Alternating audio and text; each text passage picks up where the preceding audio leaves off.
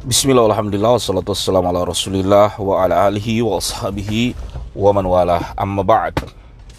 Pendengar yang dirahmati Allah subhanahu wa ta'ala Apa kabar antum? Alhamdulillah. Senang sekali mendengar kabar bahwa Antum dan keluarga dalam keadaan sehat walafiat. Dan semoga Allah subhanahu wa ta'ala selalu menjaga kita dan dalam hidup ini Allah taala selalu memberi taufik bimbingan kepada kita sekalian untuk senantiasa taat terhadap perintahnya dan sanggup untuk menjauhi larangan-larangan Allah taala. Karena dalam hidup ini ketika kita taat, ketika kita dapat hidayah bukan karena kepintaran, bukan karena kemampuan, bukan karena keahlian dari yang kita miliki sebagai manusia, namun semua itu adalah hidayah, adalah anugerah, hadiah dari Allah Subhanahu wa taala menjadikan kita beriman. May yahdihillahu fala. Siapa yang Allah berikan hidayah tidak akan pernah di, bisa tersesat. Ini menunjukkan hanya orang yang diberi hidayah mendapat hidayah. Makanya selalu bersyukur, memuji Allah Subhanahu wa taala dengan hidayah, dengan Islam, dengan iman yang kita miliki saat ini. Karena miliaran hidup manusia yang sedang hidup di atas dunia ini namun tidak semuanya menjadi orang Islam, tidak semuanya menjadi orang beriman. Kehendak dari Allah Subhanahu wa taala yang menjadikan kita orang-orang beriman. Karena ketika Allah Subhanahu wa taala menciptakan Adam alaihissalam, di saat itu pula Allah Ta'ala telah menakdirkan siapa-siapa yang masuk ke dalam surganya dan siapa-siapa yang berhak masuk ke dalam nerakanya. Maka peliharalah keimanan kepada Allah Ta'ala. Kata para ulama, Al-imanu yazidu wa yangpus. Iman itu bertambah dan berkurang. Yazidu bit ta'ah. Volume iman itu bertambah dengan melakukan ketaatan kepada Allah Subhanahu wa taala.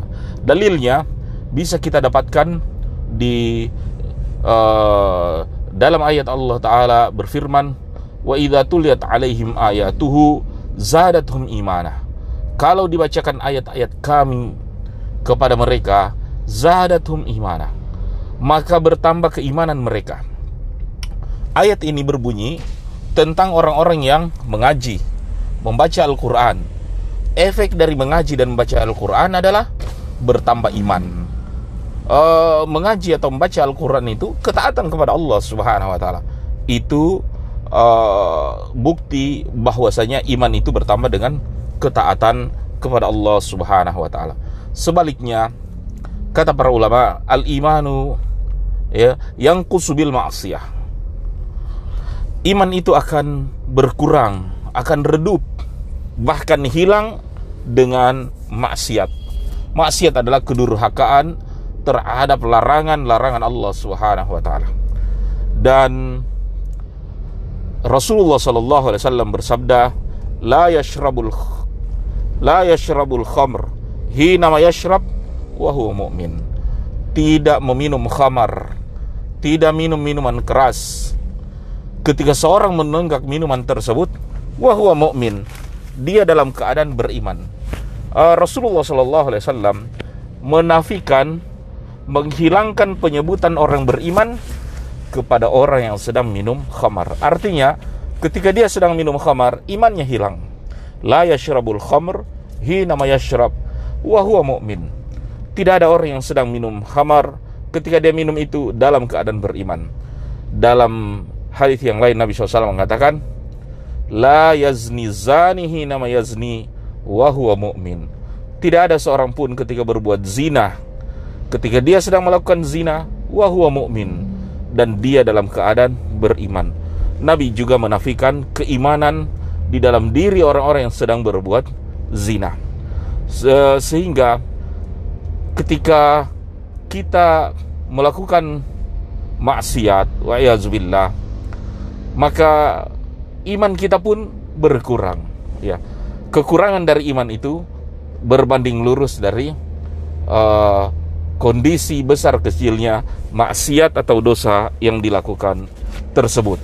Nah, oleh karenanya dalam hidup ini iman yang fluktuatif, tidak stabil seperti ini perlu untuk dijaga, perlu untuk dipupuk. Rasulullah SAW menyuruh kita ya jadidu imanakum perbaharui iman kalian maka la ilaha illallah ucapan la ilaha illallah memperbaharui iman. Perkataan-perkataan yang baik ya. Zikir subhanallah alhamdulillah la ilaha illallah Allah akbar menambah iman. Tersenyum kepada orang ya dengan ikhlas mengharapkan pahala dari Allah menambah iman. Memberi salam menambah iman.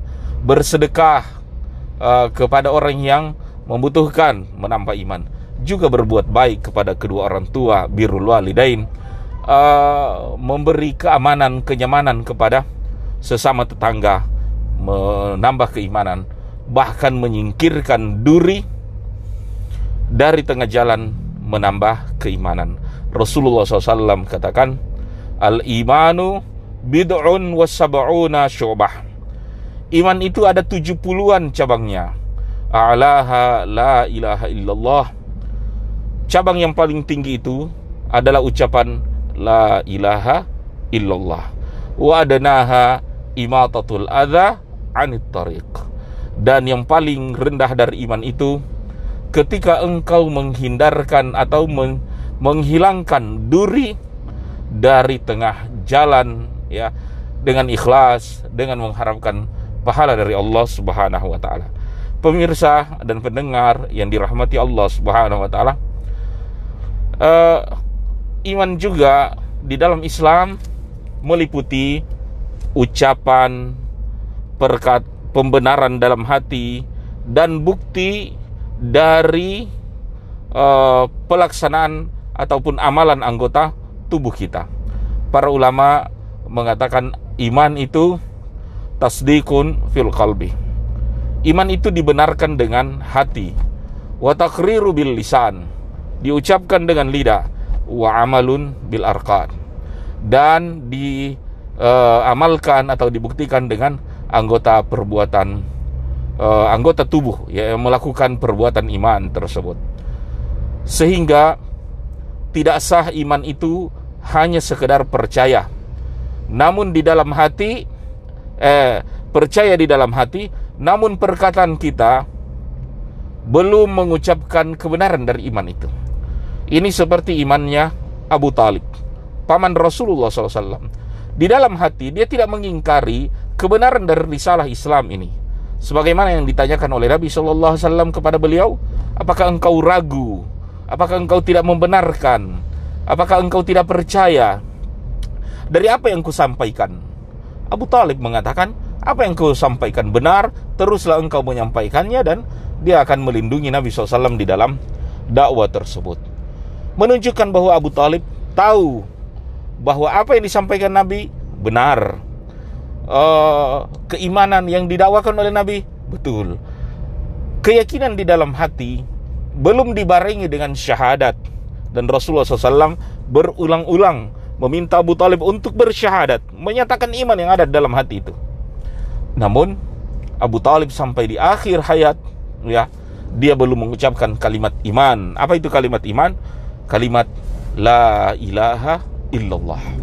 Padahal dengan sekedar kata tersebut, ya Rasulullah SAW akan jadikan dia sebagai pembela, sebagai penolong, ya, sebagai syafaat bagi Abu Talib nanti di hari kiamat.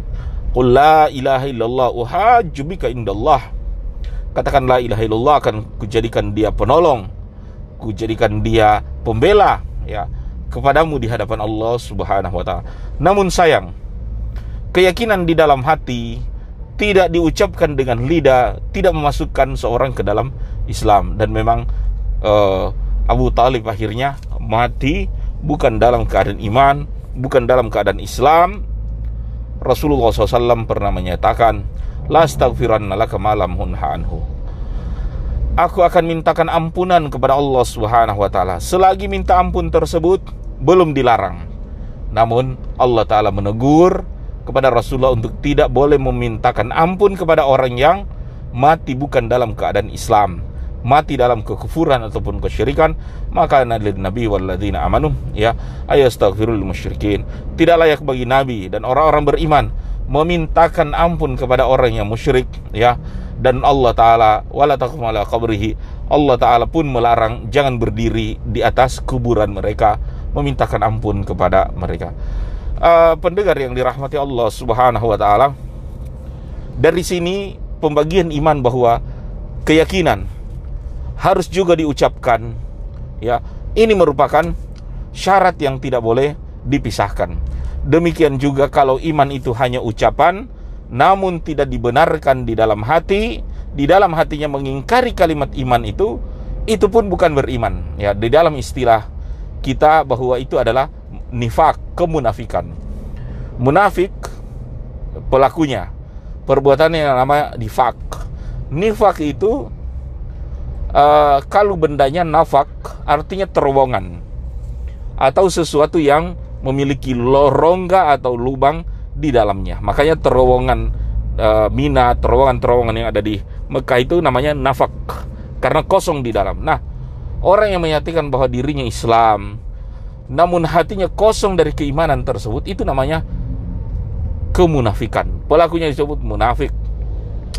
Maka pendengar yang dirahmati Allah Subhanahu wa taala, keadaan orang-orang yang mengucapkan kalimat iman, bersyahadat la ilaha illallah Muhammad Rasulullah, namun di hatinya ada pengingkaran kepada Allah Subhanahu wa taala dan rasulnya, itu adalah kemunafikan, ya, bukan iman. Bahkan uh, pengingkaran kepada agama uh, dengan pura-pura menampakkan keislaman ya orang-orang seperti ini diancam oleh Allah Subhanahu wa taala ya nifak i'tiqadi seperti ini di dalam Al-Qur'an Allah Subhanahu wa taala mengatakan innal munafiqina fid darkil asfali minan nar. Sesungguhnya orang-orang munafik itu akan menghuni neraka yang paling dalam ya di di neraka. Depetustus neraka wa yazbillah kemudian keimanan yang diucapkan ya disyahadatkan keimanan yang dipercaya dengan hati namun tidak diamalkan oleh anggota tubuh. Ya, ini disebut dengan kefasikan. Ya, bersyahadat la ilaha illallah Muhammad Rasulullah, yakin betul ya bahwa inilah kalimat pembela kita di dunia, pembela kita di akhirat. Namun perintah-perintah iman tidak dikerjakan. Harusnya sholat, ya, puasa, zakat, dan mengamalkan amalan Islam ketika dia tidak mengindahkannya maka ini disebut dengan kefasikan yaitu melanggar dengan sengaja. Dan ini pun tidak lengkap ya keimanan orang-orang yang fasik. Sebagaimana keimanan orang-orang yang munafik adalah tercela demikian juga dengan uh, kefasikan ya walaupun parahnya kefasikan tidak separah dengan kemunafikan itu sendiri. Wallahu taala alam uh, pendengar yang dirahmati Allah Subhanahu wa taala, inilah anugerah yang paling besar dalam hidup ini ketika kita dijadikan beriman kepada Allah Subhanahu wa taala. Para penceramah, para ustadz kita mengatakan nikmat paling besar dalam hidup ini nikmat iman dan Islam. Kenapa mereka mengatakan nikmat iman dan Islam nikmat yang paling besar? Ya, karena kalau nikmat itu kekayaan, semua orang dibuat kaya. Bahkan Korun yang dicela dalam Al-Quran kaya. Ya, maka kekayaan sedikit atau besar Allah tidak peduli kepada siapa Allah Ta'ala berikan karena tidak ada hubungan dengan kekayaan tersebut dengan faktor disayangi dan dicintai oleh Allah Ta'ala hanya orang yang beriman yang dicintai oleh Allah Subhanahu Wa Ta'ala innaka la tahdi man ahbabta walakin Allah yahdi man yasha akan tetapi hanya orang yang Allah cintai hanya orang yang Allah suka mereka lah yang dapat hidayah jadi faktor dicintai Allah karena keimanan, karena hidayah. Adapun karena kaya tidak ada hubungannya. Kita melihat orang yang sehat, tidak ada hubungannya orang sehat dengan orang yang dicintai oleh Allah, ya. Karena ketika Allah taala memberikan dunia, Allah tidak peduli dunia itu diberikan kepada orang yang dia cintai maupun orang-orang yang berbuat maksiat dan dosa kepada Allah. Allah tidak peduli itu dunia, diberikan sama. Kekuasaan pun sama diberikan kepadamu kepada Sulaiman Nabi Allah Ta'ala sama juga dengan kekuasaan pernah diberikan kepada Fir'aun. Ya, demikian juga dengan nikmat-nikmat dunia. Allah tidak peduli, tidak bedakan orang taat dia cintai atau tidak. Namun perkara iman, perkara ketauhidan hanya Allah Ta'ala berikan kepada orang-orang yang Allah cintai. Makanya ketika melihat bagaimana apakah Allah mencintai kita dan memberikan rahmat dalam hidup ini, lihatlah posisi kita dalam keadaan beriman ataupun kita jauh dari keimanan tersebut. Sebab tanda Allah Subhanahu wa taala mencintai manusia tersebut, dia jadikan dia beriman. Dan tanda Allah Subhanahu wa taala tidak menyukai seorang, Allah taala biarkan dia di dalam kesesatan. Wa Orang-orang yang mendapat nikmat iman, itulah orang-orang yang Allah cintai, golongan Allah Subhanahu wa taala. Ulaika hizbullah mereka itulah golongan Allah Subhanahu wa taala. Di dalam Al-Qur'an Allah Subhanahu wa taala mengatakan Allahu waliyul ladzina amanu. Allah lah wali, Allah lah penolong, Allah lah pemimpin, Allah lah pembimbing bagi orang-orang yang beriman. Walladzina kafaru awliya'uhumut tagut. Sedangkan orang-orang yang kafir, wali mereka ya, pemimpin mereka adalah tagut. Yukhrijunahum minan nuri ila zulumat. Hanya mengeluarkan mereka dari ya cahaya kepada zulumat ila zulumat. Dan ini pendengar yang dirahmati Allah taala kiranya sajian kajian ini bermanfaat bagi kita sekalian. Wabillahi taufiq wal hidayah. Assalamualaikum warahmatullahi wabarakatuh